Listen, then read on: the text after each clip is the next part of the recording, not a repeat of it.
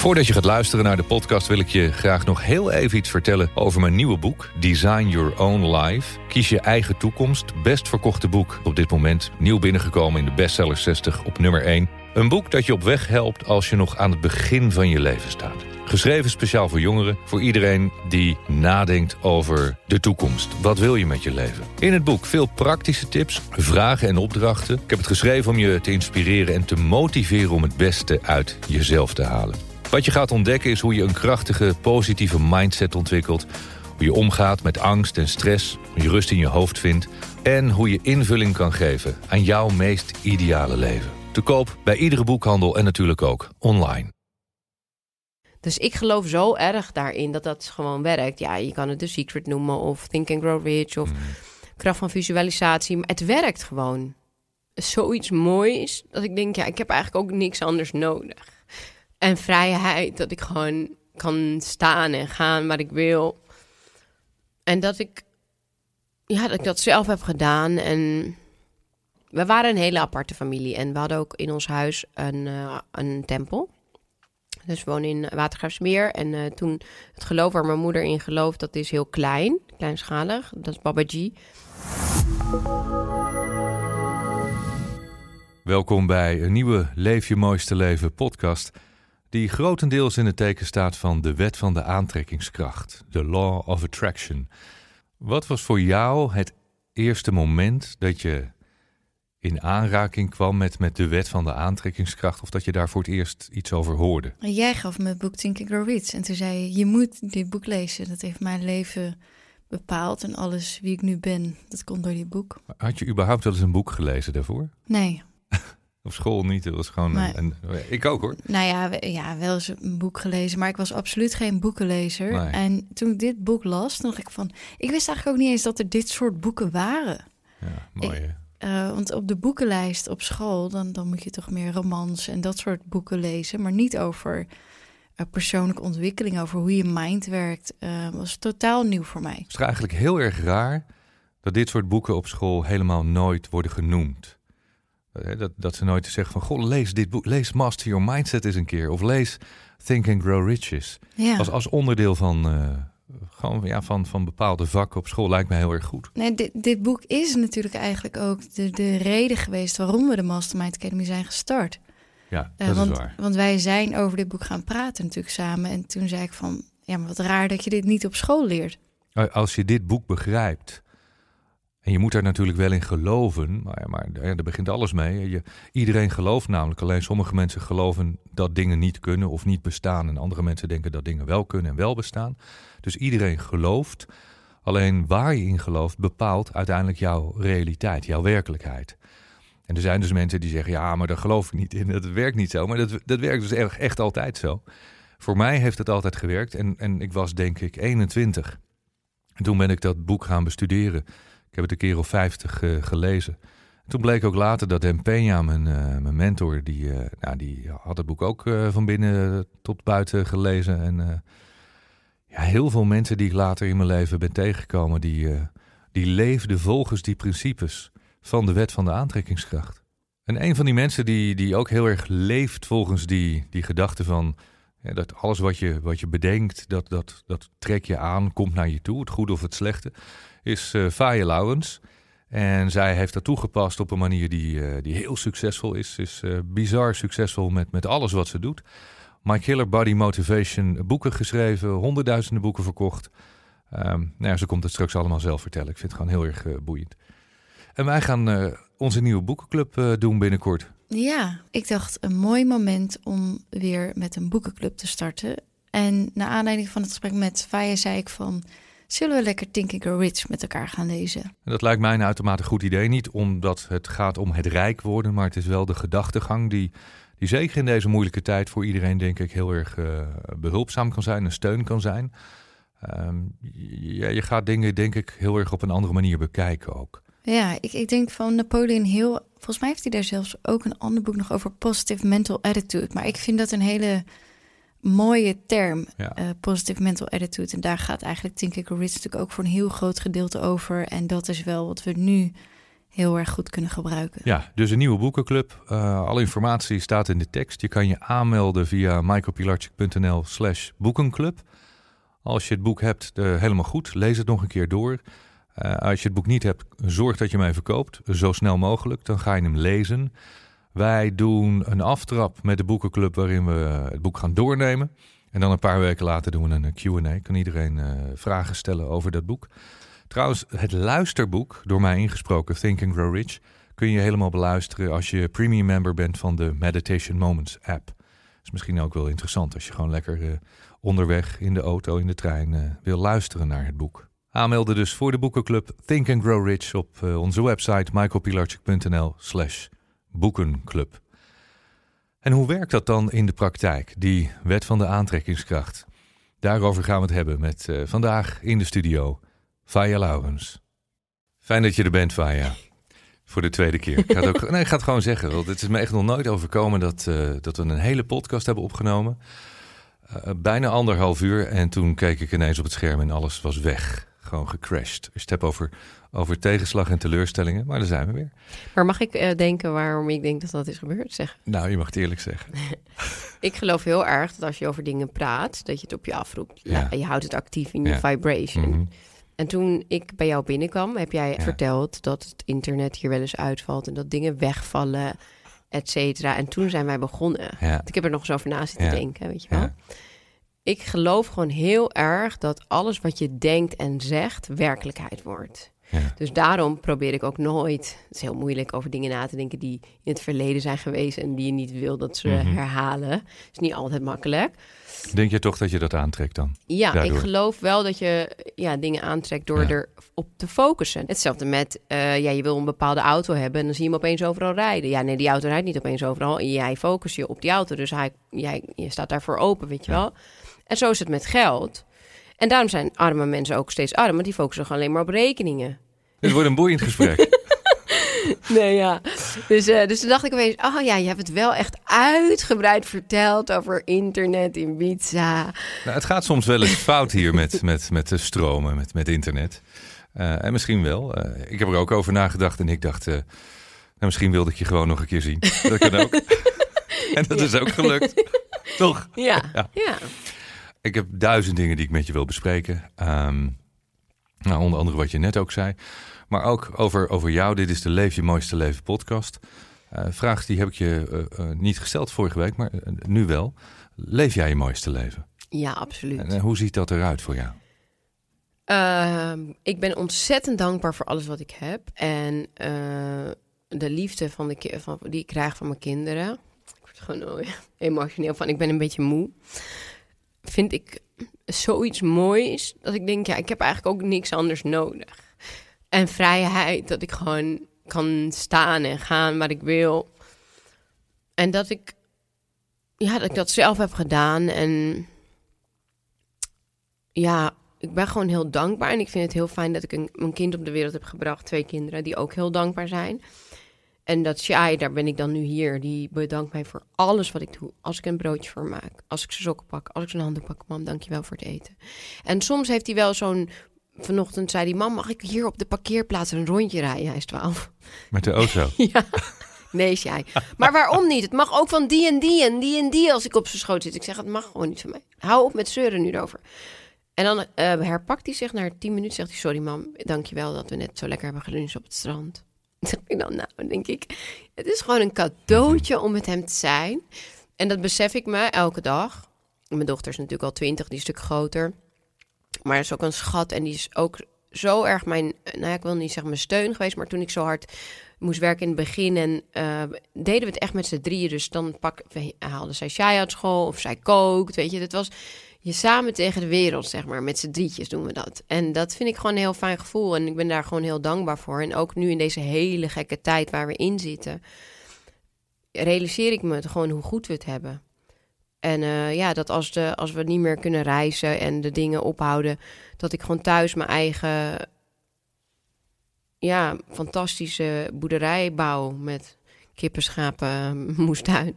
Dus ik heb eigenlijk alles wat ik wil. Ja. Vrijheid en ik ben gelukkig. Ja. En gezond, gezondheid. En je werkt heel hard. Ja. Maar daar ben je blij mee, anders zou je dat niet doen. Nee, ik vind mijn werk heel leuk. Maar dat hard, hard, hard, dat is dus die, dat is dus die blauwdruk, hè? Die mijn vader eh, zei, als je je huur niet kan betalen... dan moet je niet kleiner gaan wonen, maar harder gaan werken. Dat heb ik tot eh, vorig jaar echt keihard gedaan. Ik dacht altijd, je moet heel hard werken voor geld. Want dat was mijn geloof en dat lukte ook. En dat is dan ook zo. Als je het gelooft, dan is het zo. Maar toen las ik dat boek. Volgens mij heette het Millionaires Mindset. Of Oh. T. Harv Eker.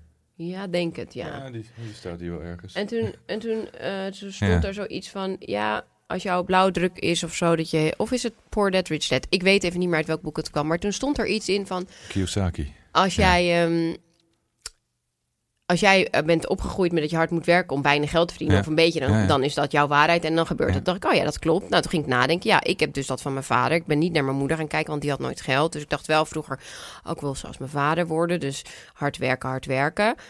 En toen zei hij, ja, maar je hoeft helemaal niet hard te werken in het boek. Je moet gewoon slim eh, werken of slim zijn en nadenken over passief inkomen in plaats van altijd maar aanwezig hoeven zijn. En toen dacht ik, oh ja, daar heeft hij een punt. En toen ben ik na gaan denken. En toen dacht ik, oh, ik ga een supermarktproduct ontwikkelen. Dan hoef ik niet meer te zeggen, koop dit, koop dat. Mhm. Iedereen gaat toch al naar een supermarkt. Ja. En dat is dus nu anderhalf jaar geleden las ik dat boek. En anderhalf jaar later staat het bedrijf. En dat is echt omdat ik dacht, ja, hij heeft gelijk. Ik wil, ik wil misschien wel over twee jaar gewoon mijn spullen pakken en een wereldreis maken of allemaal dingen doen en niet de hele tijd bezig zijn met dingen verkopen. En waar komen we altijd? In de supermarkt. Ik zei al, ik heb duizend dingen die ik aan je wil vragen. Ehm, ik wil even een stukje met je teruggaan. Want ik zei van de week al, ik, ik had geen idee wie jij was. Dat je in goede tijden had gespeeld en alles. Totdat je met het Killer Body boek ineens op één stond. Dat ik dacht van, wie is dit nou? Hoe, hoe kan je nou ineens op één binnenkomen met een boek? En toen ben ik me in je gaan verdiepen. En, en ik zag je spreken, ik zag je dingen doen. Ik dacht van, wauw. Eh zoveel respect voor, voor wie je bent, wat je doet, je, je hele mindset. Kan je mij dat nog eens vertellen van hoe dat idee ontstaan is om, om dat boek te maken, dat eerste boek? Nou, My Killer Body Motivation is ontstaan ehm, organisch. Dus het was niet bedacht van ik ga een bedrijf beginnen met eh, voed- voeding en boeken en dat soort dingen. Nee, het was echt om mezelf te motiveren. Ik kwam terug uit de Expeditie Robinson. Ik had een slecht eetpatroon. Ehm, en ik dacht, ik wil nu eens een keer gewoon consistent fit zijn. En niet drie maanden wel, drie maanden niet, wat bijna iedereen heeft. Dus toen ben ik een Instagram-account begonnen als eerste in Nederland. In 2013 was dat, denk ik, met mezelf, om mezelf te motiveren. Dus ik dacht, als ik een voorfoto doe, dan vragen mensen ook om de nafoto. En dan heb ik een stok achter de deur. Het was mijn stok achter de deur eigenlijk gewoon. En dat werd een motivatie voor anderen. Heel snel al eigenlijk. En toen dacht ik, ja, ik ben ook dyslectisch. Dus dan, toen hadden we nog niet, denk ik, ik weet even niet meer. Maar toen ging ik altijd, ik ging altijd reageren op eh, berichtjes. Misschien via Facebook of zo. Maar het was allemaal onhandig met mijn dyslexie. Dus ik dacht, als ik nou een platform bouw met alle informatie die ik nu ook eh, leer, waar mensen alles kunnen vinden over sport en voeding, want er is zoveel verschillende methodes en, en theorieën. Ehm, en video's, met elke maand nieuwe video's en doe ik een abonnementsvorm van 6 euro per maand, kan iedereen betalen. En dan ga ik leden werven. En dat ging eigenlijk heel goed. Maar dat, dat heb je wel zelf bedacht. Ja. Dat, dat was wel een idee. Van, Ja, dat, ga heb ik wel. doen. Ja, ik dacht dus vanuit die Instagram dacht ik, oké, ik wil een site bouwen. Nou, en dan een verdienmodel, dacht ik dan die video's daarachter. En dat ging best wel heel erg goed. En toen kwam de uitgever naar mij van, wil je een boek doen? En toen dacht ik, een boek? We zijn toch nu in een internetwereld bezig? En toen zei ze, nee, dat is echt heel goed hoor, want het kan elkaar echt versterken, een boek en ehm, online en offline. En toen dacht ik nog, nou, dat is toch heel ouderwets. Maar ja, toen ging ik me er even in verdiepen. En toen kwam ik achter dat verhaal van Sonja Bakker. Dat wist ik wel ook ergens al, maar ik ging me er nog even meer in verdiepen hoe dat nou precies was gegaan. En dat zij toen een miljoen boeken had verkocht. Toen dacht ik, wauw, ik wil ook een miljoen boeken verkopen. Dus ik weet nog dat ik terugbelde naar de uitgever een week later of zo. Ja, ik wil het wel doen. Dan gaan we een miljoen boeken verkopen. Toen moest ze heel hard lachen. Zei, nou, dat is niet meer van deze tijd hoor. Dat was toen, want eh, toen was er nog geen internet. Of ik weet niet wat het excuus was. Toen zei ik, nou, dat gaan we wel doen hoor. Ken je mij nog niet? en toen, ehm, ja, toen verkocht ik 15.000 boeken in de pre-sale. En eh, omdat ik dat, die, dat abonnement van die eh, 6 euro per maand... had ik omgezet naar 49 euro per jaar. Een jaarabonnement. Speciaal voor het boek had ik dat gedaan. Ja. En dan kon je een jaarabonnement gratis bij het boek krijgen. Heel slim. Ja, en toen, Ja. toen kreeg ik dus 15.000. eh, In één keer. ja, alleen ik, al mijn leden zeiden op. En dat waren er 13.000 of zo. Dus Ja. dat was niet wel heel slim. Achteraf. Maar je stond wel op één met je boek. Ja, en uiteindelijk, ja, ik heb 74 weken in de top 60 gestaan, waarvan eh, Bizar. volgens mij eh, 36 of zo in de top eh, 5. Iets van acht weken op nummer 1. En wat nog nooit een Nederlandse eh, schrijver of auteur is gelukt, is op 1 en 2 tegelijk. Ja, want met je tweede boek... Kwam ik op 1 binnen. Ja, Het je- stond mijn tweede boek een jaar later. Of Ja, is- dat op mijn eerste boek op, één, op? 2. Hoe, hoeveel eh, shit, ellende en kritiek kreeg je over je heen toen? Van wie dan ook? Heel veel. En in, Want- want helemaal in het wie begin. ben jij om ja, een boek te maken? ja, over diëten. Want ik ben geen. Ook dat nog? Ja, van diëtistes kreeg ik dat natuurlijk heel ontzettend ehm, over me heen. Dus eh, vooral, het ik ging dan wel eens zoeken naar wie dat dan waren. En dan waren het vooral mensen die dan zelf ook een boek hadden geschreven, weet je wel. waar Dat nooit... niet gelukt. nee. nee, maar dat is het toch. Als je, als je zelf succesvol bent, dan ga je Ja. niet azijn lopen zeiken. Ik Nee. heb dat nog nooit gedaan over iemand. Succesvolle mensen doen dat niet. Nee, nooit. nooit. Nooit, nooit, nooit. Dus ik, eh, in het begin eh, ging ik me nog een soort van verdedigen. Maar toen, toen gaf ik ze juist een platform. Dus toen werd het alleen maar groter. Waar je je aandacht aan geeft, groeit. ja, absoluut, absoluut. Dus toen, dat had ik wel helemaal afgeleerd bij het volgende boek. En toen dacht ik, nou, ik ga hier nooit meer op reageren. Ik reageer er ook gewoon nooit meer op. Echt nooit meer. En ehm, En hoeveel boeken heb je verkocht nu in totaal? Alles bij elkaar? eh, ik weet nog niet precies, maar ik denk ongeveer 350.000. Misschien ietsje meer, zelfs met die laatste erbij. Wauw. Ja, ja, het is wel echt heel erg goed. En ehm, nu ook, weet je, kijk, we zijn nu bijna vijf jaar verder. Ik verkoop nog duizend boeken per maand van dat eerste boek. En ehm, ik kwam er wel achter dat het een dieet niet werkt op de lange termijn. Voor, niet voor iedereen niet, voor een grote groep ook wel. Maar voor een hele grote groep ook niet. En ik ben, ik, eh, ik ambitieer natuurlijk heel veel geld verdienen. Maar ik zou nooit ieder jaar een dieetboek willen uitbrengen. Ik heb ook daarna nooit meer een dieetboek uitgebracht. Mhm. Dat, behalve voor zwangeren na je zwangerschap. Maar in principe was dat tweede boek een receptenboek. Want ik wilde juist mensen helpen. En daarom dacht ik, dat tweede boek is dan een receptenboek. Het eerste boek leer ik je hoe je in balans eet. En dat tweede boek kan je het dan zelf bepalen. Ja. En toen kreeg ik zoveel teleurstelling van mensen. die Zeiden, maar waar zijn de voedingsplannen? Ja, maar we willen een, een boodschappenlijstje en we willen een plan. En we willen niet nadenken. Terwijl ik zeg, je moet juist wel nadenken. Want anders wordt het een visuele cirkel. Val je daarna weer terug. Zelf nadenken. En dat ben ik gaan onderzoeken. En toen dacht ik, oké, ehm, heel veel mensen vallen terug na een dieet. Ze kunnen er geen lifestyle van maken. En dat heeft verschillende oorzaken. Ook was suikerverslaving en een slechte verslaaf eetgewoontes die er vanuit de jeugd al ingebakken zitten natuurlijk. Zit gewoon, kijk, ik ben, ik ben opgevoed met een moeder die voor gezondheid ging. Maar heel veel mensen worden op een verkeerde manier grootgebracht met ongezonde dingen. Dan zit dat gewoon in je systeem. Kan je niet zoveel aan doen. Maar vaak weten mensen het ook niet. Nee, ze weten Ik wist het het ook niet, hè? Nee, Nee. nee. dus ze weten het niet, wat Nee. wel of niet goed, eh, goed is. En die mensen vaak, die houden het wel vol, want die hebben geen issues. Die wisten gewoon niet hoe je gezond moest Ja, leven. Onwetendheid. Ja, onwetendheid. Ja. Dus verder is niet zoveel aan de hand. Maar de mensen die ongelukkig zijn vanuit de kern, stress, eh, weet ik het, trauma, onverwerkte jeugdtrauma's, eh, geldstress, noem het maar op, eh, een laag zelfbeeld, ehm, die continu zichzelf naar beneden halen met lelijke woorden. Mhm. Die mensen die denken dat ze vaak ongelukkig zijn omdat ze overgewicht hebben, maar ze zijn, hebben overgewicht omdat ze ongelukkig zijn. Dus als jij je niet gelukkig gaat voelen eerst, dan ga je gewoon weer terugvallen. Want je gaat weer stress eten, weer comfortfood. Dat is normaal. Het is troostvoeding. Dat zijn we, zo zijn we grootgebracht. Heb je auw? Ja. Hier chocolaatje. dus, die, Mhm. dus die mensen wilde ik ook helpen. En die heb ik heel veel van geïnterviewd. En dus eh, heb, eh, voor de, het vijfjarig jubileumnummer heb ik echt heel veel informatie erbij. Dus ik heb het boek in de basis is, het, is hetzelfde. Alleen ben ik met een psycholoog ehm, analyses gaan maken eh, van die mensen. Dus dat mensen die dat lezen zich kunnen identificeren van... oh, dat heb ik ook. Oh, daarom doe ik dat dus. En ook met opdrachten over hoe je je goed moet voelen. En hoe je die patronen kan ontdekken bij jezelf. En dus hoe je het voor bent. En daarnaast ook een vegetarisch en een vegan dieet. En heel veel informatie over dierenleed en zo. Want ik vind wel dat we met z'n allen iets beter met de natuur om moeten gaan. En dat begint bij jezelf. Eén dagje zonder vlees bijvoorbeeld. Of twee dagen. Eet jij vegan of Nee, nee, nee. vegetarisch? Ik, ben- ik eet alles. Alles. Maar- Vlees ook. En ik ben wel vegetarisch opgevoed, dus tot mijn 16 had ik nog nooit vlees gegeten. Maar daar, dat werkte dus voor mij niet, want ik ging stiekem eh, bij vriendinnetjes, als ik dan uh, tussen de middag mocht eten, daar ging ik wel zo'n plakje worst, weet je wel, eten of zo. Maar ook toen ik op mezelf ging op mijn zestiende, ging ik allemaal die dingen kopen. Ik weet nog dat ik Ardennenham ontdekte. Dat ik dat zo lekker vond. Ging plakken Ardennenham kopen en zure matjes. En alles wat wij thuis niet kregen, weet je, heb ik twintig jaar lang uh, naar binnen lopen werken. Dus ik geloof niet zo erg in dat geheel onthoud. Mm Het wordt ook een ding als je zegt: ik mag dat niet, ik mag dat niet, ik mag dat niet. Ik ben eigenlijk nu zo dat ik zelfs denk dat mensen vaak dik worden omdat ze denken dat ze dik worden. Kijk, als je de hele tijd maar denkt: oh, daar word ik dik van, oh, daar kan ik niet tegen, oh, dik, dik, dik, dik, dik, focus je weer op dik, heb je het weer. Ik, ik heb het andersom een keer gedaan. Ehm, om te kijken of het werkt. Omdat ik Ja. natuurlijk al zo lang daarmee bezig ben.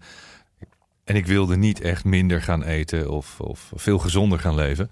Toen dacht ik van, maar als ik mezelf nou dun denk. Ja, En het werkte. ja, zie je? En iedereen zegt, dat kan niet. Jawel, Ik zeg, helemaal. nou ja, ik ben echt drie, vier kilo afgevallen. zonder iets aan te passen in mijn leefstijl.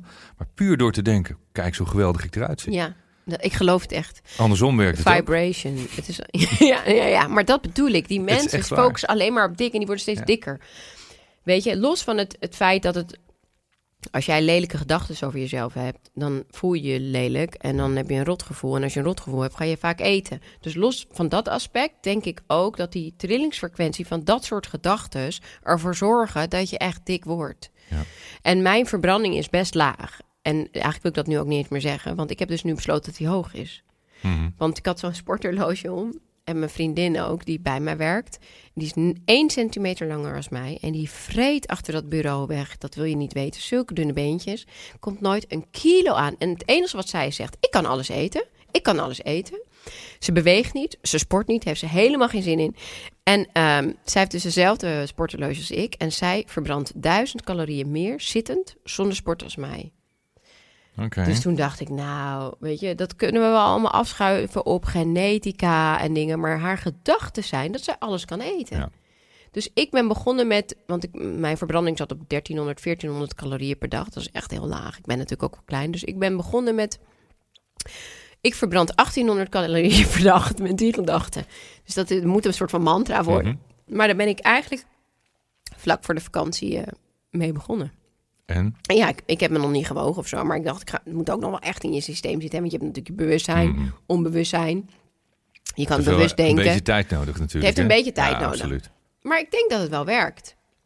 Dat ehm, van affirmaties en, en in dingen geloven, waar, waar, ehm, waar is dat ontstaan bij jou? Uit mijn jeugd. Ja? Mijn moeder die eh, gelooft in het hindoeïsme. En die heeft ons als kind eh, heel veel meegenomen naar ashrams. Dus we hadden niet veel geld, maar al het geld wat er was ging naar het reformhuis. Op aan, aan biologische geitenkaas en weet ik het allemaal. Dat is ook wel heel bijzonder eigenlijk. Ja, Ja. rescue remedy druppeltjes. Alles wat nu een trend en een hype is, dat deed mijn moeder al. Weet je wel, kik uit de paté heette het vroeger, nu hummus. Maar, maar zuurdesembrood. Maar ja, als kind wil je dat allemaal niet. Hè? Je wil gewoon een wit broodje met kaas. Of eh, wij hadden dan chocoladepasta, ukkie zonder suiker. Oh, zo vies. Ken, weet het echt nog allemaal. En eh, dan krijg ik zo'n zuurdesem die als je die dan fout breekt, zo droog, weet je wel. Mee naar school. We waren een hele aparte familie en we hadden ook in ons huis een, eh, een tempel. Dus we wonen in Watergraafsmeer. En eh, toen het geloof waar mijn moeder in gelooft, dat is heel klein, kleinschalig. Dat is Babaji. En ehm, daar hadden wij de verzamelplaats voor de mensen die daarin geloven in Nederland. Dus die kwam op maandag bij ons artie zingen. Is een beetje hetzelfde als Hare Krishna, weet je wel. Mhm. Dus ehm, ja, mijn moeder is heel spiritueel en eh, heeft ons zo grootgebracht met een mala. Ik had een mala eh, met eh, 108 graden. En dan wou ik als kind heel graag een paard bijvoorbeeld. Dat vertelde ik denk ik. Ik weet niet of je dat hebt gehoord toen op de gezondheidsbeurs. Maar dat verhaal vertel ik altijd, want we hadden helemaal geen geld voor een paard. En dan zei mijn moeder, ja, als je het aan God vraagt, krijg je hem. Dus ga maar bij iedere kraal zeggen dat je een paard wil. En visualiseren hoe het is. Als je hem al hebt, zei ze. Doe maar net alsof het al zo is. En dat kon ik uren doen. Uren. Dan lag ik op mijn kamertje met die mala. En tussen mijn vingers zo. Ik ben Hoe oud was je toen? Mm, tien? Ja. Het is toch heel bijzonder dat een kind van tien dat gelooft? Ja, maar daar word je mee opgegroeid. Jawel, maar ik kan me voorstellen dat eh, heel veel kinderen van tien, en die kan je dit één keer vertellen, die gaan dat doen. Als er tien minuten later geen paard in de gang staat, dan eh, houden ze er wel mee op. Ja. Dat, je dat vol hebt gehouden en dat jij Ja. daar ook in geloofde. ja, ik geloofde er heel erg in. Ik wilde dat ook geloven, want ik wilde dat paard heel graag. Ehm, maar dan moet ik wel zeggen, wij komen natuurlijk, we kwamen wel uit een milieu waar ook alle mensen om ons heen daar allemaal in geloofden. Weet je, die mensen die bij ons over de vloer kwamen, dat zijn allemaal hele Ja. spirituele mensen. Ehm, want mijn zoon, als ik die, ik zeg dit ook tegen mijn zoon, niet met de mala, maar wel van als je iets heel graag wil en, het vraagt aan het universum, zeg ik dan, dan krijg je het. En je moet doen alsof het al zo is. En daar kan ik zo nog wel een voorbeeld bij noemen. Dat lukt hem nu ook al. En hij gelooft het ook, alleen hij is veel minder, ja, hij is ook spiritueel, maar veel minder zweverig als Mhm. wij toen, zeg maar. Ja. Maar ehm, dat visualiseren, dat kon ik gewoon heel goed. Ik werd daar heel gelukkig van. Ik, ik, kan, ik wil niet eh, klagen over mijn jeugd, maar ik, vind, ik kijk er niet met heel veel vreugde naar te- toe terug. Maar dat waren wel de momenten waarin ik heel gelukkig was. Dus dat ik op mijn kamertje aan het visualiseren was dat het paard van mij was. Hm.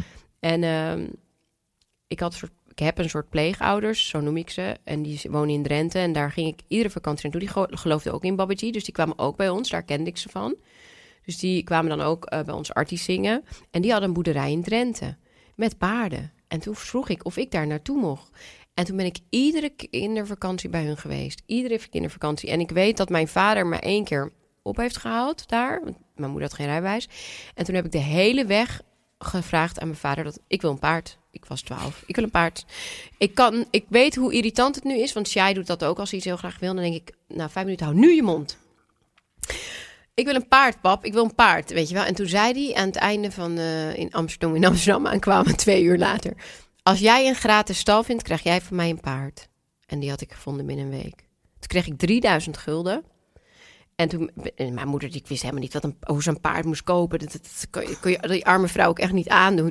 Dus toen hebben die mensen in Drenthe met mijn pony gekocht. En die kwam toen met een geit in dat gratis stalletje vlak bij ons in de straat. Die geit die brak meteen uit. Door allemaal, allemaal ellende. Het paard zakte door de modder. Moest in een stal gaan staan wat 300 gulden per maand stond, kostte. Waar mijn moeder schoonmaakbaantjes voor moest nemen. Maar dat paard was er. Het was mijn eerste bewijs dat het werkt.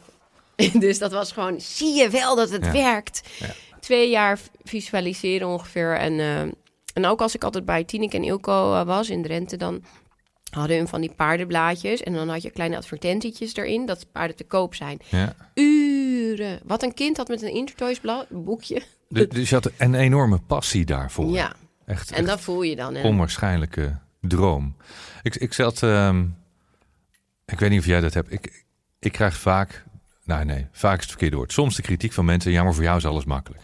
Want jij bent rijk en, en jij woont op een eiland en je hebt een boot, weet je al dat soort dingen. maar Ja, dat maar is toch niet voor niks gekomen? fucking hard voor moeten werken. Ja. want, want wij woonden vroeger ook op een flatje met helemaal niks. Dus weet je, het is, het is niet zomaar En gekomen. jij bent ook failliet gegaan. Ik ben ook nog eens redelijk alles kwijtgeraakt. Ja, ook dat nog. En toen zag ik van de week een, eh, filmpje van Schwarzenegger. En daarin zei hij, weet je, vroeger toen wij thuis eh, woonden, was ik heel arm. We hadden heel weinig thuis.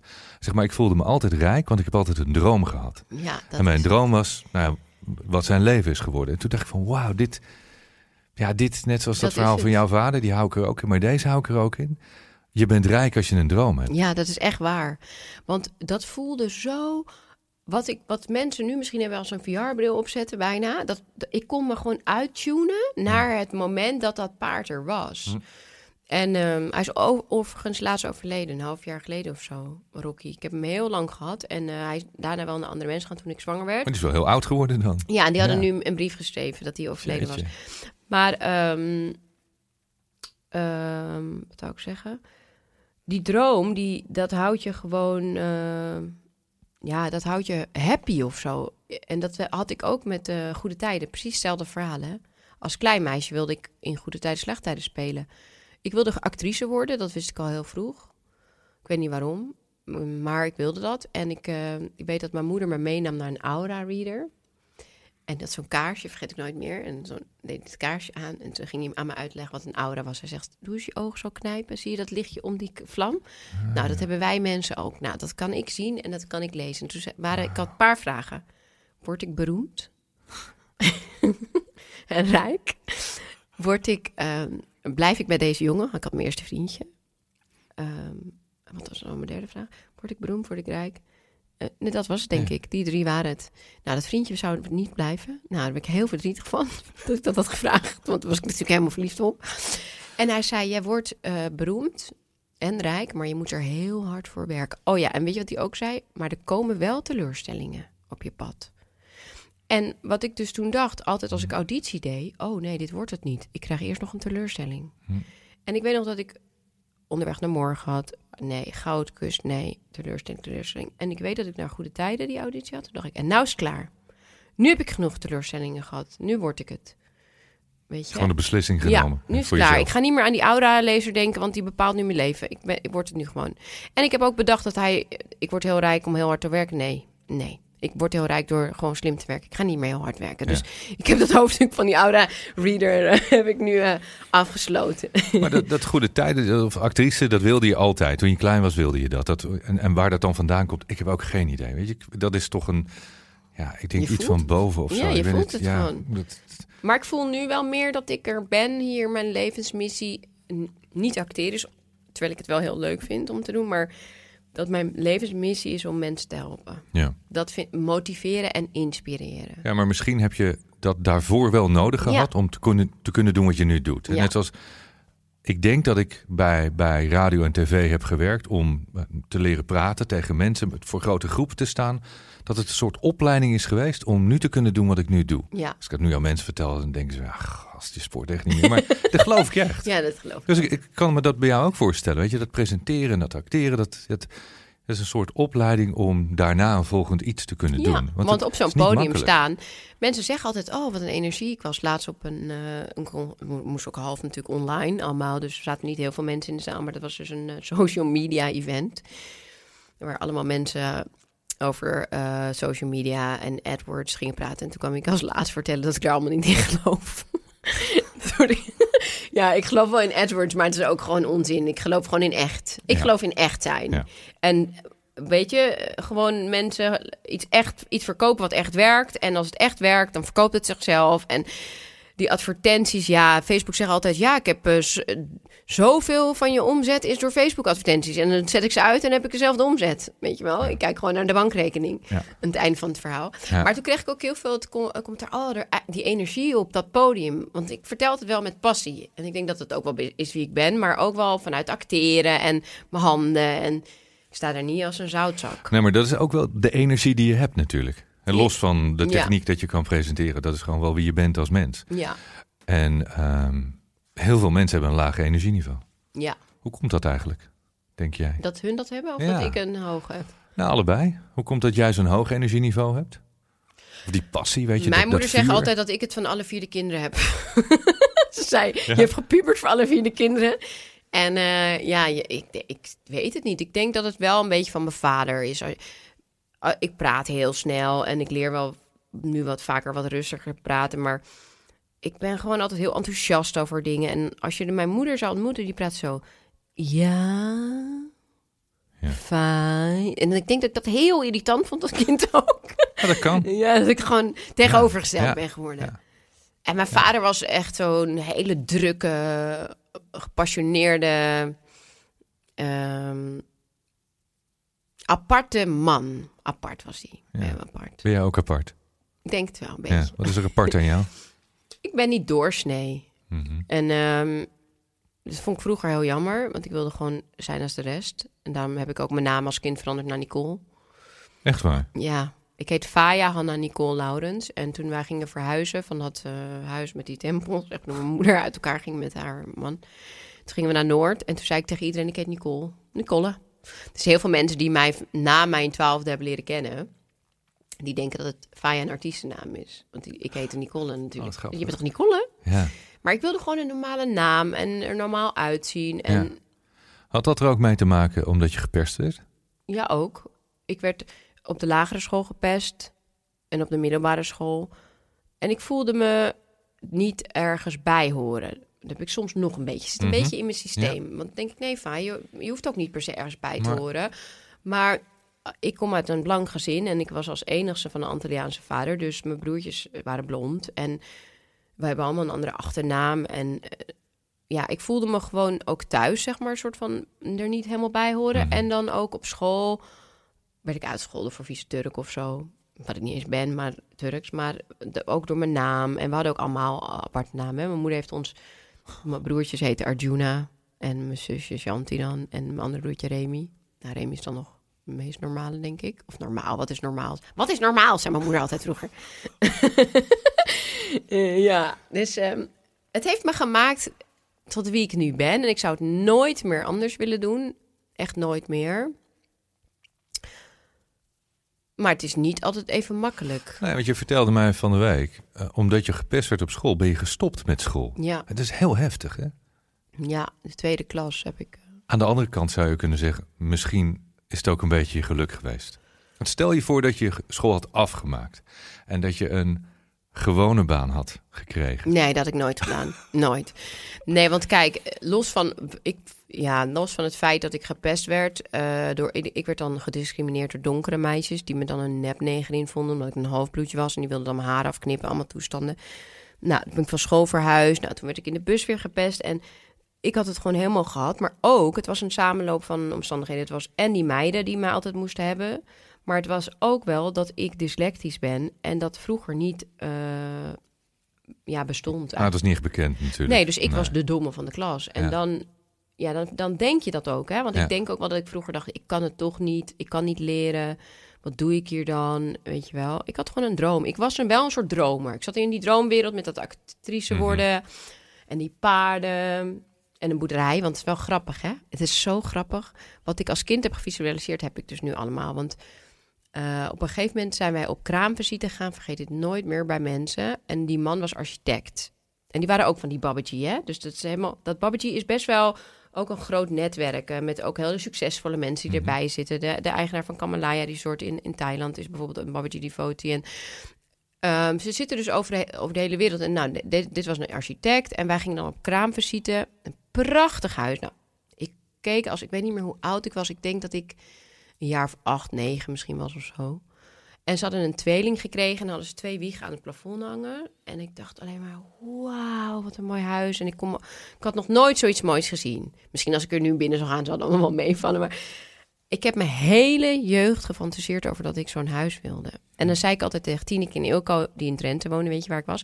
Ik wil later een boerderij in Amsterdam. En dan moesten hun altijd lachen. Zeiden ze, ja, nou, in Amsterdam heb je geen boerderij. Dan moet je toch hier komen wonen. Zei ik, nee hoor, ik wil een boerderij in Amsterdam. En dan visualiseerde ik dat huis met die fantastische huis. En ik heb dat nu.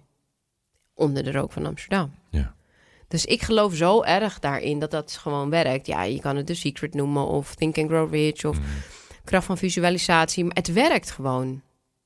En dan zeggen mensen dat het bij hun niet werkt. Dat komt omdat ze het niet geloven. Dus dan werkt het ook. Want dan krijg je wat je gelooft. Snap je? Dus als jij gelooft dat het niet werkt, toch gelooft het niet. Ja. Het is soms heel moeilijk om dit uit te leggen als je dit niet gelooft. Ja, maar dat is toch eigenlijk ook het Ja. bewijs dat het werkt. Ja, ja. je Alleen het niet voor die gelooft. mensen die dat niet geloven, die geloven dat ook niet. Dus dat is zo moeilijk om uit te leggen. Terwijl ik, ja, ik zeg, ja, weet je, wat jij ook zegt. Het is zo, het is, het is bijna toveren. Ik is zeg, toveren. ja, het is gewoon als je het snapt, als Ja. je het doorhebt, als je het begrijpt, Ja. ja, is het wel echt toveren. En het mooie is dat het, het echt werkt, want mijn hele leven... Natuurlijk, ik heb ook mijn shit gehad, eh, want dat komt op je levenspad. Maar uiteindelijk, mijn hele leven wat ik wilde, net zoals jij, wat ik voor me zag... dat heb ik al die tijd gehad en nu ook. Dus ja, ik, ik, ik weet ook dat dit het is. Dit, en ik, daarom noem ik mezelf ook tovenaar tegenwoordig. Dus mensen willen toch altijd weten hoe je, wat je titel dan is. Ik zeg, nou, tegenwoordig ben ik tovenaar. Oh, Zeggen ze, ja. nee, nee, echt serieus. Ik zeg, ja, tovenaar. goed, ja. Ja. Ik zeg, Want dat is wat ik doe. Alleen ik heb nu ook geleerd dat ik het andere mensen kan leren. En dat vind ik wel fijn. Dat, weet je, dat, dat andere mensen het ook kunnen. Want jij zei van, volgens mij, ja, je gunt iedereen dit toch? Ja, alleen ik heb ehm, al heel jong ontdekt dat niet iedereen dat er in zich heet eh, in de basis. En ehm, het is voor ons heel makkelijk, omdat het er bij ons in zit. Ja. Maar als ik bijvoorbeeld alleen al naar mijn eigen familie kijk, wie van dezelfde moeder hebben en dezelfde opvoeding, bijvoorbeeld zelfs, dan lukt het mijn zusje en mijn twee broertjes alle drie niet. Dus het is niet voor iedereen weggelegd. Het is Ja. ook een eh, stukje karakter, denk ik. En als je het dus niet, als het je niet in 1, 2, 3 lukt, dan moet je het dus wel doorzetten. Want je Ja. moet niet opgeven. En dat doet mijn zusje bijvoorbeeld wel. Mijn zusje gelooft het ook heilig. Alleen het lukt haar nog niet altijd. En dan Mhm. denkt ze, oké, ik moet doorzetten, doorzetten, Ja. focus, doorzetten. En soms dwalen ze mensen af omdat het toch niet lukt. Dan denk ik, laat maar, weet je wel. Nee, je moet doorzetten. Als ik dan ook mijn verhaal voor goede tijden vertel... Men, het is niet zo dat ik dat heb gevisualiseerd... en dat die rol opeens eh, in, door de brievenbus kwam. Ik heb het gevisualiseerd. Ik ben jarenlang bijna maandelijks daar gaan aanbellen bij dat eh, Harry Kloosterkasting... om weer zogenaamd nieuwe foto's te brengen, om weer in de picture te komen. En ondanks dat ik daar was ingeschreven, foto's had ingestuurd... stond er een oproep op, eh, op de site van Harry Kloosterkasting... dat ze een Marokkaans meisje zochten... 23 jaar met aantoonbare acteerervaring. Had ik allemaal niet. Dus ik was er bij hun ook niet uitgerold als een van die kandidaten. Maar toen heb ik gewoon een motivatiebrief geschreven. De foto erbij geplakt waar ik zo Marokkaans mogelijk uitzag. En gezegd dat ze echt spijt zouden krijgen als ze me niet zouden uitnodigen voor die auditie. Dus ik was er nog steeds mee bezig. En zal ik je wat vertellen? Ik weet nog waar ik zat toen ik die mail verstuurde. E-mail was ook nog niet zo, eh, was er nog niet zo lang. Ik zat op mijn bed. Ik zat die foto te zoeken. Ik weet nog wat ik gestyled haar op die foto. En ik wist, ik voelde aan alles. En ik weet niet of dat het creëren van die rol is voor mij. Of dat ik voelde dat ik hem gewoon had. Ik voelde het aan alles. Door meteen, weet je wat je denkt? Ik heb hem gewoon. Ja. Dit is mijn rol. En toen werd ik volgende dag gebeld. Ja, je mag auditie komen doen. Yes. En toen eh veertig andere meisjes. En toen met de laatste tien eh, bij Goede Tijden auditie gedaan. En toen was ik het geworden. En ik heb wel heel even één seconde een onzeker momentje gehad tijdens de auditie bij Goede Tijden. Omdat ik toen die tien anderen zag, of die negen andere meiden. En die waren allemaal heel knap en zo. En toen zei ik, nee, focus op jezelf, Fai. Niet naar kijken. En eh, ja, Ja. Het, het is gewoon gelukt. Maar dus niet vanzelf. Dus wel gewoon castingbureau, bellen, visualiseren, doen alsof het Het al is niet alleen manifesteren Nee. naar het universum en dan wachten. Nee. Maar je hebt echt alles gedaan. Ja, ik heb En iedereen zei dat het nooit zou lukken tegen jou. Ja. Nou ja, mensen zeiden altijd van, wat wil je laten worden? Ja. Ja, actrice. Ja, dat wil iedereen, maar wat wil je echt? ik zeg altijd, ik, je moet geen plan B hebben. Het, het verschil tussen iemand die succesvol is en niet succesvol is gewoon doorzetten. Weet je, als ik ga kijken, ik ben wel voorstander van dat niet navertellen, omdat je dan weer actief houdt in je vibration. Maar kort eh, anderhalf jaar ben ik nu bezig met die proteïnereep Killerbody, die nu in, die, in de Jumbo dan liggen. 660 Jumbo's en kruidvat en weet ik het allemaal. Ik heb al zoveel tegenslagen gehad deze anderhalf jaar, wat niemand weet. Mhm. Maar dat ga ik ook niet zeggen. Maar dat is, dat is gewoon dat je denkt, wow, weet je wel. Oké, nou, hoe gaan we dit oplossen? Dit is, eh, ja, dit gaan we gewoon oplossen. Dat gaan we gewoon oplossen. Maar eh, een ander zou denken, ik, ik vertelde gisteren wat ik ervoor moest lenen aan geld aan iemand. Die zei, durf je dat? Ja, Ja, want ik ben 100% Ja, overtuigd natuurlijk. van dat dit gewoon, eh, dat dit het natuurlijk. is. Ja, Dus tuurlijk durf ik het. ja. Weet je, als ik het niet durf, ja, dan is het al klaar. Dan, ja. Maar het is wel, het is echt ten eerste heel erg knap. Ik vind het echt heel erg knap wat je allemaal doet. Eh, ik heb ze, eh, toen ik in Nederland was, eh, twee weken geleden gegeten. Ik vond ze ook heel erg lekker. En toen kwam natuurlijk bij mij direct naar boven. Is het echt gezond? Dat kan niet gezond zijn. Het was echt heel lekker namelijk. Echt, het, het proeft ook naar, Chocola, ja, het is chocola en lekker. En crispy, niet dat je denkt van, oh. een Als, als, ja, als het een beetje vies smaakt, dan denk je, nou, dan zal het wel gezond zijn, hè? Zo werkt het dus. Maar dit is mindset. En, en, en natuurlijk, ik heb ook op de achterkant gekeken, maar wa- wa- wat maakt het verschil tussen, laten we zeggen, de gemiddelde choco-repen die bij de supermarkt liggen en wat je nu hebt gemaakt met die proteïnereep? Kijk, ik zeg eh, met die chocoladereep is het echt gewoon een chocoladereep met proteïne. Dus En wat zijn proteïne? eiwitten. En dat zijn de bouwstenen voor je spieren. En dan hebben we allemaal, ieder mens heeft, ook de niet-sporter, want mensen denken altijd dat het moet alleen als je Mhm. sport, maar ook de niet-sporter heeft 0,8 gram eiwitten per kilo lichaamsgewicht nodig. Dat rond ik meestal af naar 1. Dus als je dan 60 kilo weegt, heb je ongeveer 60 gram eiwitten nodig. En in principe haal je dat wel uit je voeding als je bijvoorbeeld vlees en kip en vis eet. En ook wel groentes voldoende. Maar als jij al vegetariër of veganist bent, dan moet je eigenlijk al eiwitten bijnemen. En dan sport je nog niet. Sporters hebben dubbele nodig. Nou, die reep die heeft 1,4 gram suiker. En vergelijking een, eh, een, een lion, waar die op lijkt, 25 gram suiker. Dus dat is het verschil. Er zit gewoon geen suiker in, bijna niet. Ja. Een half suikerklontje. Ja. En er zit proteïne in, er zitten wel wat vetten in. En er zit zoetstof in. En er zit conservering in. Ja, dat zit in alle chocoladerepen. En dat zit eigenlijk overal in.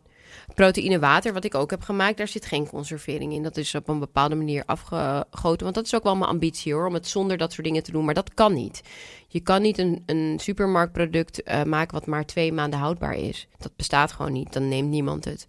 Want ik heb dat wel geprobeerd bij de benzinepomp. Wilde ik van die wraps maken. Nou, daar ben ik best wel lang mee bezig geweest. Maar dan zou die wrap 10 euro gaan kosten. Als die echt gezond zou moeten zijn. Maar Mhm. die begassen ze dus. Dat zalmrapje, dat is gewoon 15 dagen houdbaar. Ja, nee, dat werkt helemaal dat niet. is echt vies. Dus ik zou dat niet, dat wil ik niet verkopen, snap je? Dus, maar ehm, het is dus eigenlijk in, principe wel. eh, Er zijn nu mensen die dit terugspoelen. Die denken, "Wa- wa- ik, koop dat altijd bij het ja, tankstation. 15 dagen en dat is gewoon rauwe zalm. Dus moeten we niet meer eten. nee, ja, ik Oh. zou het niet doen meer. Toen ik daarachter kwam, dacht ik, nou, Ja. dat ga ik nooit meer eten. Nee. Ja, maar als ik jou zo hoor, heb jij echt 48 uur in een dag. Want je, je, hebt, je, je bent moeder, je hebt kinderen, je hebt je, nee, gewoon je leven. Dan heb je je bedrijf. Ja, het is soms wel veel, maar het valt ook wel mee. Maar dit, maar dit bedrijf, want het klinkt echt als een, als een huge bedrijf inmiddels. Zoals met die repen, met, met de supermarkt en zo. Doe je dat allemaal zelf? Ja, dus dat doen we echt eh, zelf. Ga jij bellen zeg je, hallo Jumbo. Ja. Faya hier. Ja, Luister eens. nou, via LinkedIn heb ik het gedaan. Serieus? Ja. En dit geloven mensen ook niet, hè? Ik heb gewoon via LinkedIn, ik zit gewoon op LinkedIn en dan zeg ik, nou meneer van Albert Heijn of eh, van de BP of Ja. Shell, hi Faya, ik heb nieuwe repen. En wat ik nu heb gedaan, eh, dus ehm, ik heb ieder, nou kijk, ik wilde dus bij de vendingmachines liggen. Van, vendingmachines zijn van die kasten, weet je wel, waar je het uithaalt. Dus nu natuurlijk helemaal met corona helemaal top. En ik wil gewoon op ieder politiebureau in die vendingmachines liggen. En ook bij Defensie. Dus ik heb achterhaald wie die vendingmachines zijn. Nou, dat is Wie dat regelt ja, wie dat ja. regelt. Dus die heb ik gebeld. Ja, Ja. Eerst via LinkedIn. Nou, dan heb ik een telefoonnummer. Ga ik bellen.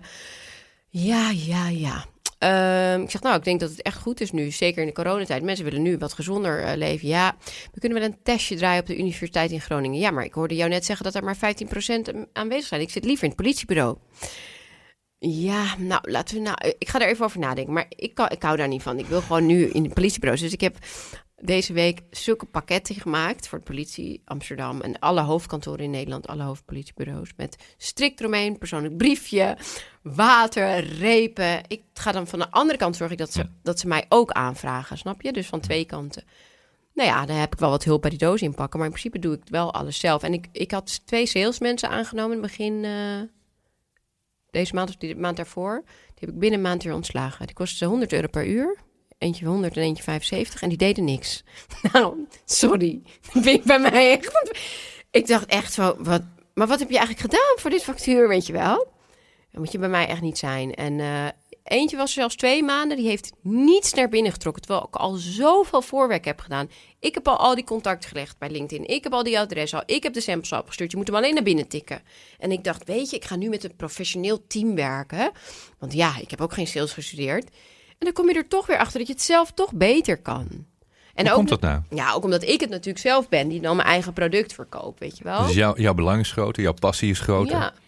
Maar ik vond dat wel heel teleurstellend in twee maanden niks naar binnen tikken. Ja, maar dat is ook teleurstellend, toch? Ja. Zoals je 100 euro per uur Ja, durft te vragen. ik dacht en je doet niks. En dit, dit gebeurt heel vaak, hè? Nou ja, dus dan ben ik er gewoon klaar mee. En nu helpt mijn zusje me, Shanti. Die, dat, en die doet het goed. Die heeft een hele goede stem. Die praat heel rustig. En eh, zij was een, eh, een cursus over zelfliefde aan het maken. Heeft ze gemaakt. Heeft ook heel veel meegemaakt. En een heel leuk cursus. En ze zegt, ja, Fai, ik heb eigenlijk die cursus nu klaar. Ik hoef het eigenlijk alleen maar te promoten. En ik zoek eigenlijk wel weer een baantje. Maar ze had een baantje en die was door corona eh, nou ja, ontslagen. Dus toen eh, heb ik haar nu aangenomen. En ze doet het zo ontzettend goed. Nou, fantastisch toch? Dus toen dacht ik, nou, dit is ook hartstikke, Hartstikke leuk. leuk. ja. Dus het is niet een heel groot bedrijf met heel veel mensen. Zou wel handig zijn als die wel een keer kwamen. Goeie. Maar vooralsnog doe ik het zelf dan. Ja, en eh, we hebben drie man in dienst dan. Ja. En een logistiek bedrijf, eh, weet je wel. weinig. Ja, natuurlijk. Het moet wel allemaal geregeld worden. En, eh, Ja.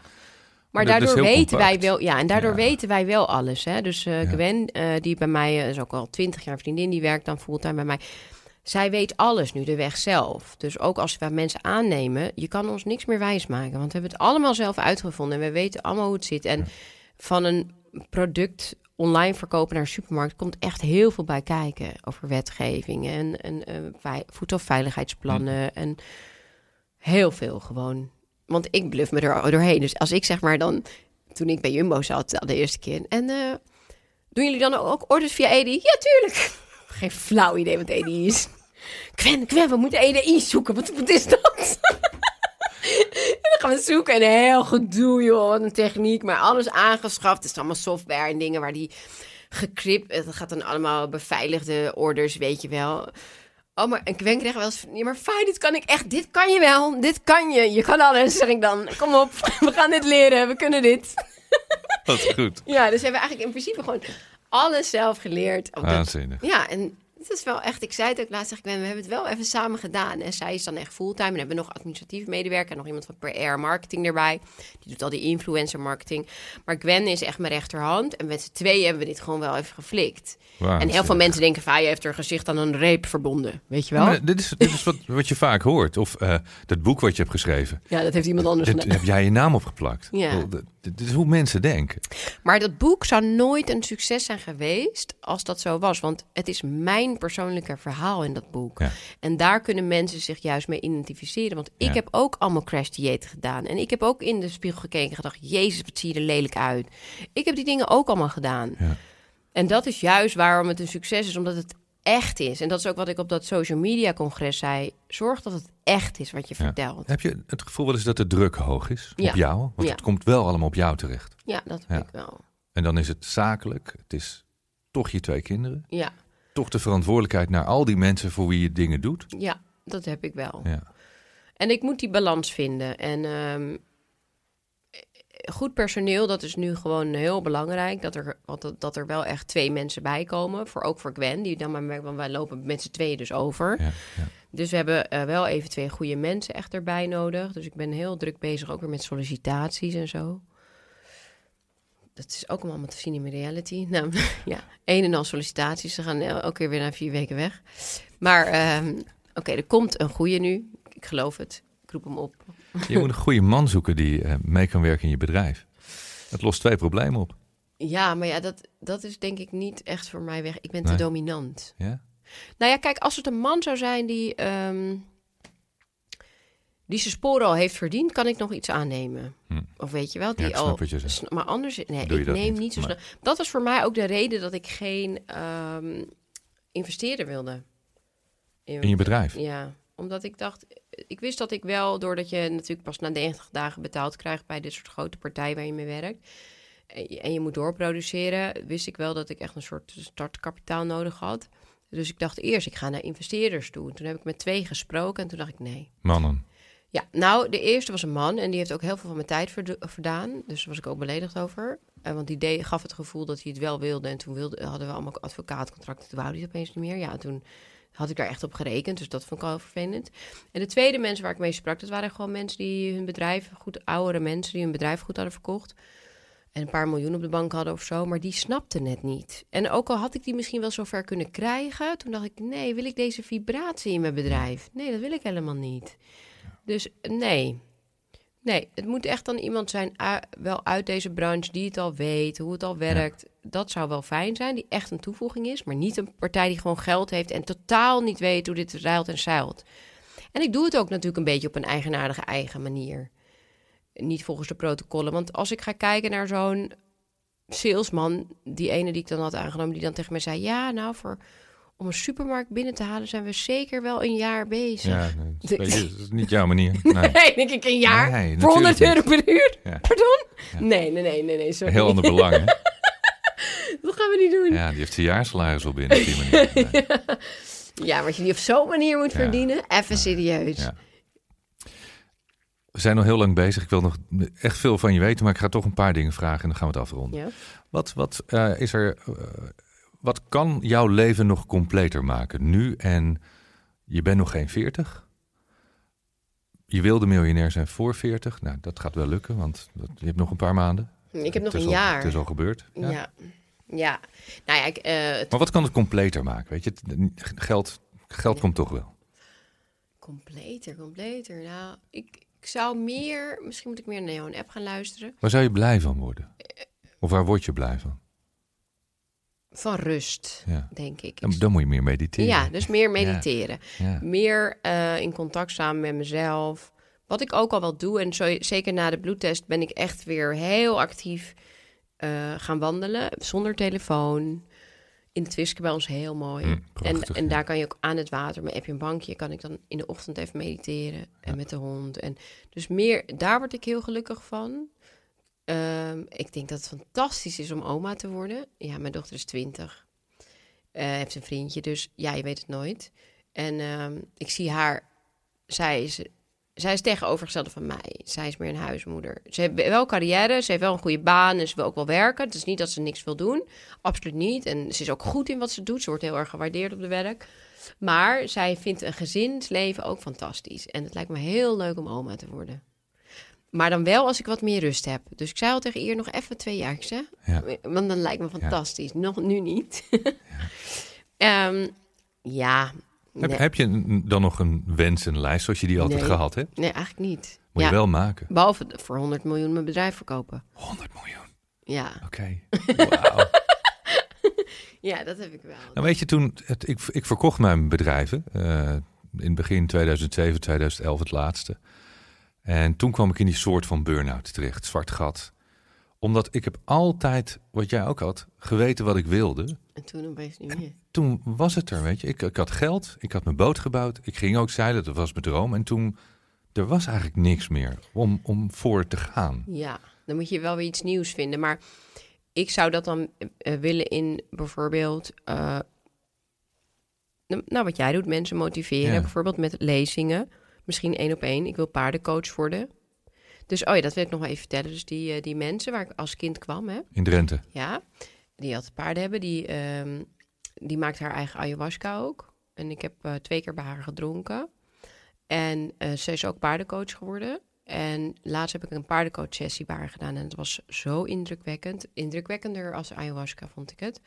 En ehm, dat vond ik zo mooi. En toen zag ik dat ik dat wilde. En niet om er per se geld mee te verdienen. Maar ik heb land. Ik heb ja, mijn hele leven paarden gehad Mhm.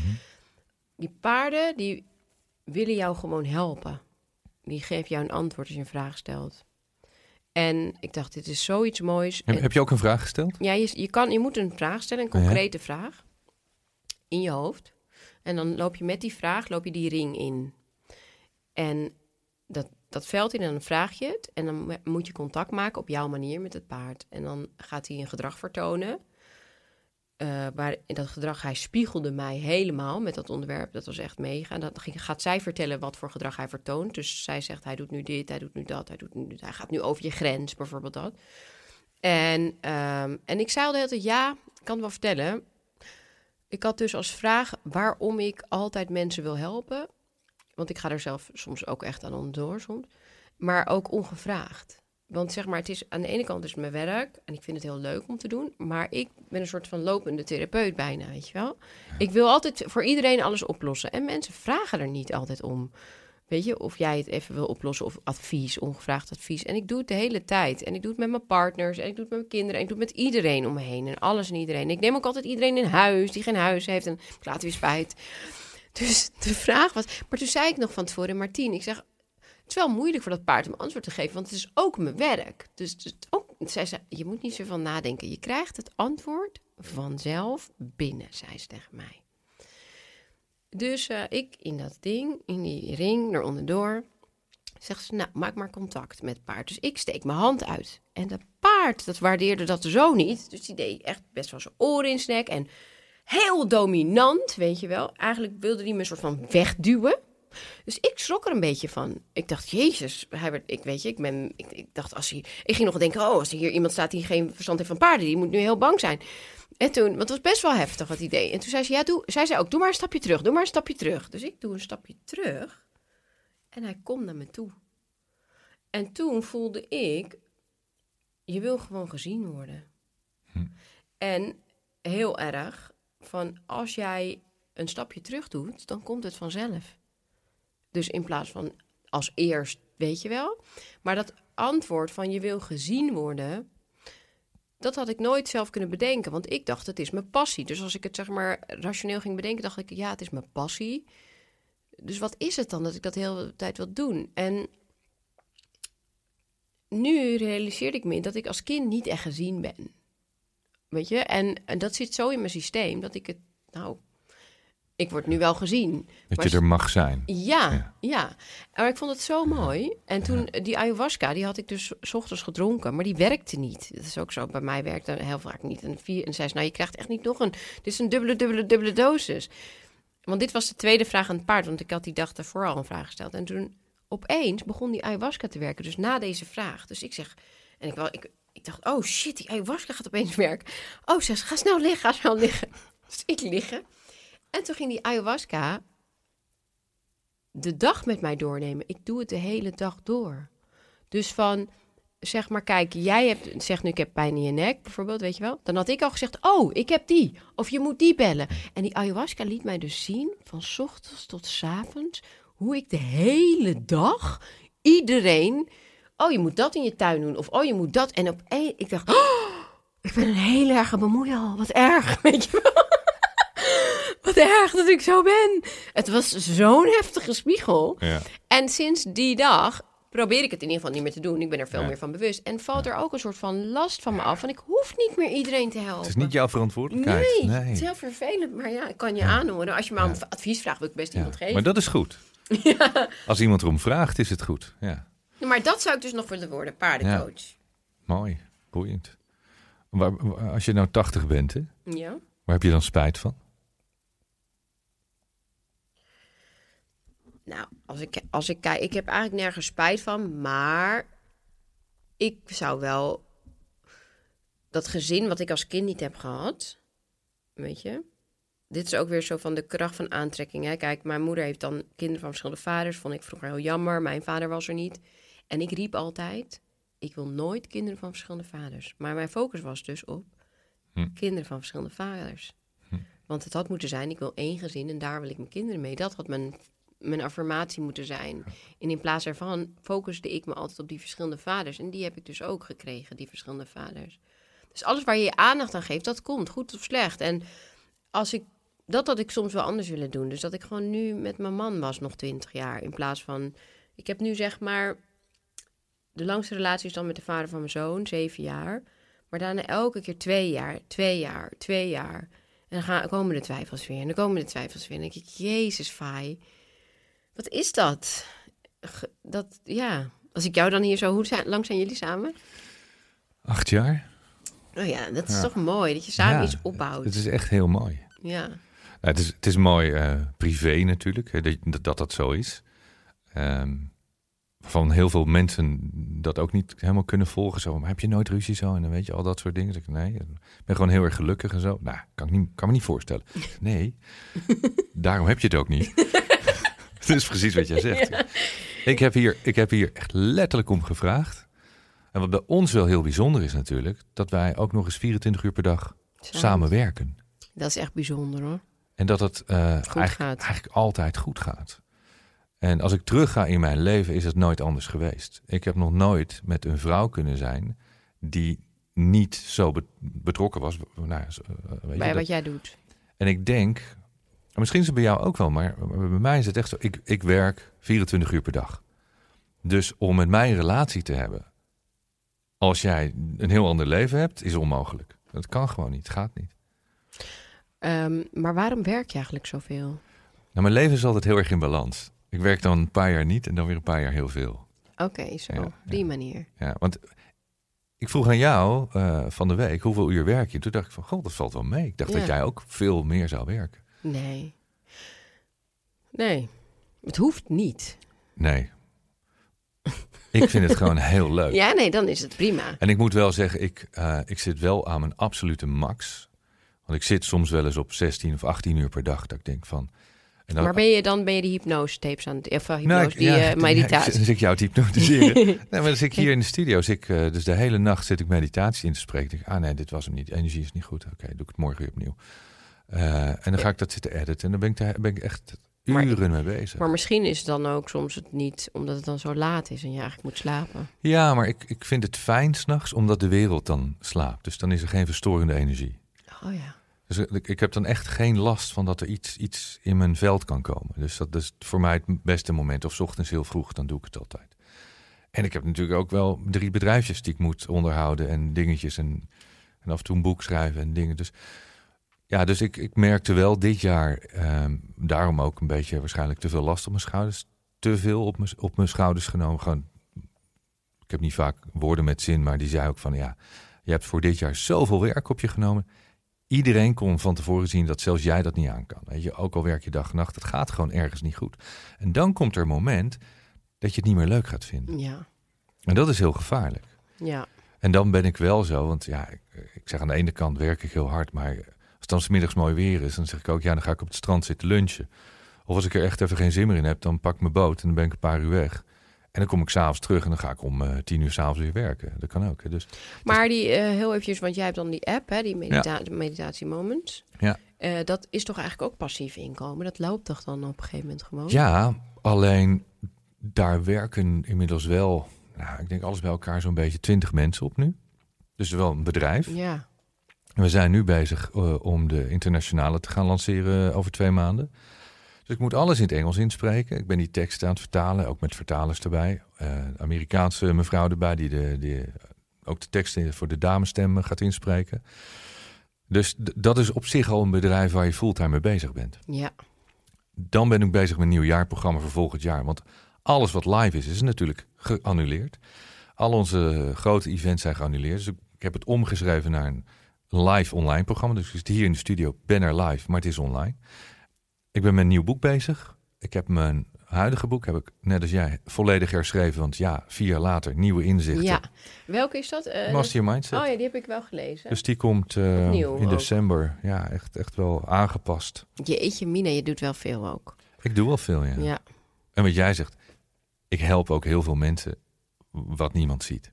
ja, Ik ga- probeer gewoon ook iedereen te helpen. Ik, ik denk dat ik op, op Insta 100 berichtjes per dag krijg. Oh ja, dat, En, dat vind ik heel ja, zwaar ook. Dat is ook moeilijk. En ik filter er heel snel uit van, nou, deze mensen moet ik echt helpen, want dit gaat niet goed. Of dit is echt wel een typeje, als alle psychologen niet hebben kunnen oplossen, dan wil ik dat oplossen als ik denk van, nou, dat lukt me wel. Vaak lukt het ook. Maar het gevaar is, daarom roep ik dit soort dingen ook bijna nooit. Dan heb ik morgen duizend berichtjes per dag. ja, Weet je, en, en ik weet wel, Cindy die beschermt me daar wel in hoor. Die zegt dan, ja, het- gaat gewoon niet. Weet je, dat. En een, een goede vriend arts van me zegt ook van, ja Mike, weet je, ik zou ook de hele wereld willen helpen. Maar meer patiënten dan ik per dag kan zien, kan ik niet helpen. Dus daar moet je wel eh, voor jezelf, jezelf in bescherming nemen. En dat soort dingen. Maar ik vind het gewoon heel leuk wat ik doe. Ik word er heel blij van. ja, ik vind het ook wel heel erg leuk, alles wat ik doe. Eh, en het is ook heel eh, divers. Alleen, ik vind het ook wel heel leuk dat ik kan zeggen tegen Shai, we gaan gewoon nu samen Is toch lasergamen. Ja. Weet je wel? En dat is vrijheid als je ondernemer bent. En dat vind ik wel je mooiste leven. Ja. leven. Ja. Ja, En ik zou ook nog drie uur met je kunnen doorpraten over wat er in de wereld gebeurt op dit moment. laten we dat niet doen. Dat gaan we nu niet doen. Nee. Want eh, dat komt ook goed. Het komt goed. Maar daarvan, als we, als we, laten we zeggen, onze filosofie moeten, moeten volgen. Dan zou ik zeggen, als iedereen nou vandaag gewoon eens ophoudt met bezig te zijn met wat er in de wereld gebeurt. En mensen die echt ziek zijn, die moet je gewoon in, het ziekenhuis, die moet je helpen natuurlijk. Maar verder, als iedereen nou ophoudt met duizend theorieën bedenken. En, en niet de hele dag in alle praatprogramma's daarover oh, ik praten. kan er niet meer aanhoren. Dan verandert de wereld. Ja, ja. Als iedereen, ja, want dan gaat de, de frequentie veranderen. het grootste virus is angst. Ja, En, en dat wordt nu dwangmatig echt bij iedereen er wel ingestampt. ja. Ja, ik denk het ook. We moeten er geen aandacht meer aan Nee. geven. Nee. Doen wat je moet doen. En Ja. geen maar het is natuurlijk voor heel veel mensen natuurlijk wel heel moeilijk. Hè? Zoals nu in Nederland is alles weer dicht. Hè? Ja, maar het, is, het is kansloos. Als, als jij een restaurant hebt, hoeveel mensen... Hoe erg dat is. Het is vreselijk. Het is, het is vreselijk. En nou ja, gaan we het er toch over hebben, weet je. Maar ja, voor heel veel mensen is dit zwaar en het gaat nog zoveel zwaarder worden. En ik voorzie dat het zo zwaar gaat worden wat mensen zich niet kunnen voorstellen. Nee. Ik denk dat er een hele grote reset komt van de wereld. En, ehm, en ik zou niet weten hoe het afloopt. Maar ik denk wel dat we vooral nu moeten bezig zijn met wat we nog wel hebben. Ja. En gelukkig proberen te zijn. En niet er helemaal in. Ik, ik kijk ook niet naar tv. Als je hem aandoet, gaat het altijd daarover nu. Kijk er niet meer naar. Het gaat nergens anders over. Probeer gewoon wel eh, ook creatief te zijn als je een ondernemer bent het is nu de tijd om creatief te zijn als jouw business ophoudt. Je kan niet wachten. Het gaat niet beter worden weer. Tenminste, sommige beroepen, zoals bijvoorbeeld DJ's, moeten echt wat anders gaan verzinnen nu. Ja, artiesten. Ja, Het is niet eenvoudig. nee. Maar ik merk Je het hebt ook vaak geen opleiding. Nou, nou, weet je wel, eh, wij ook niet en we hebben het ook gered. Ehm, en ik had dan dit jaar 50 theatershows. Omdat iemand mij via LinkedIn vroeg, zou je dat willen? Want zo gaat het dus wel. Toen zei ik nee. En uiteindelijk ben ik het toch gaan doen. En nu hebben we er, eh, ik denk dat ik er 15 gedaan heb. Maar de rest is nu weer allemaal gecanceld. Weet je, dus alle uitverkochte carrés. Ja, ik vind het super stoer om daar te mogen staan. Maar voorlopig eh, weer niet. Dus ik denk dat heel veel mensen er een beetje last van hebben tot heel veel last van hebben. En jij zei het net volgens mij, het enige wat wij kunnen doen, en misschien moeilijk om dat uit te leggen, maar we moeten de frequentie op deze planeet verhogen. Dat is het enige wat het gaat oplossen. Ja. Maar dat is eh, heel moeilijk, omdat dat is niet wat ze willen. Nee, Dus dat is heel moeilijk als je dat niet kent of niet weet. Maar gewoon mediteren, focus op wat je wel hebt. En in contact komen met je inner being, met jezelf. En niet te veel eh, je laten meeslepen door mainstream media. Ik weet als geen ander dat dat allemaal verknipt is en allemaal niet waar is. Als je ziet hoe soms interviews van mij worden verknipt. Soms zie ik iets terug, dan denk ik, die zin was niet eens tegen die zin terug, zeg maar zo, weet je wel. Ja. Ja. Ja, het is gewoon eh, uitzetten die televisie en, eh, en mediteren en wandelen ja, en gelukkig zijn. Ja. Dat is het enige wat we kunnen doen. dat gaan we doen. Ja, Leef je mooiste leven. ja, Dankjewel, mooi. dankjewel. Dankjewel.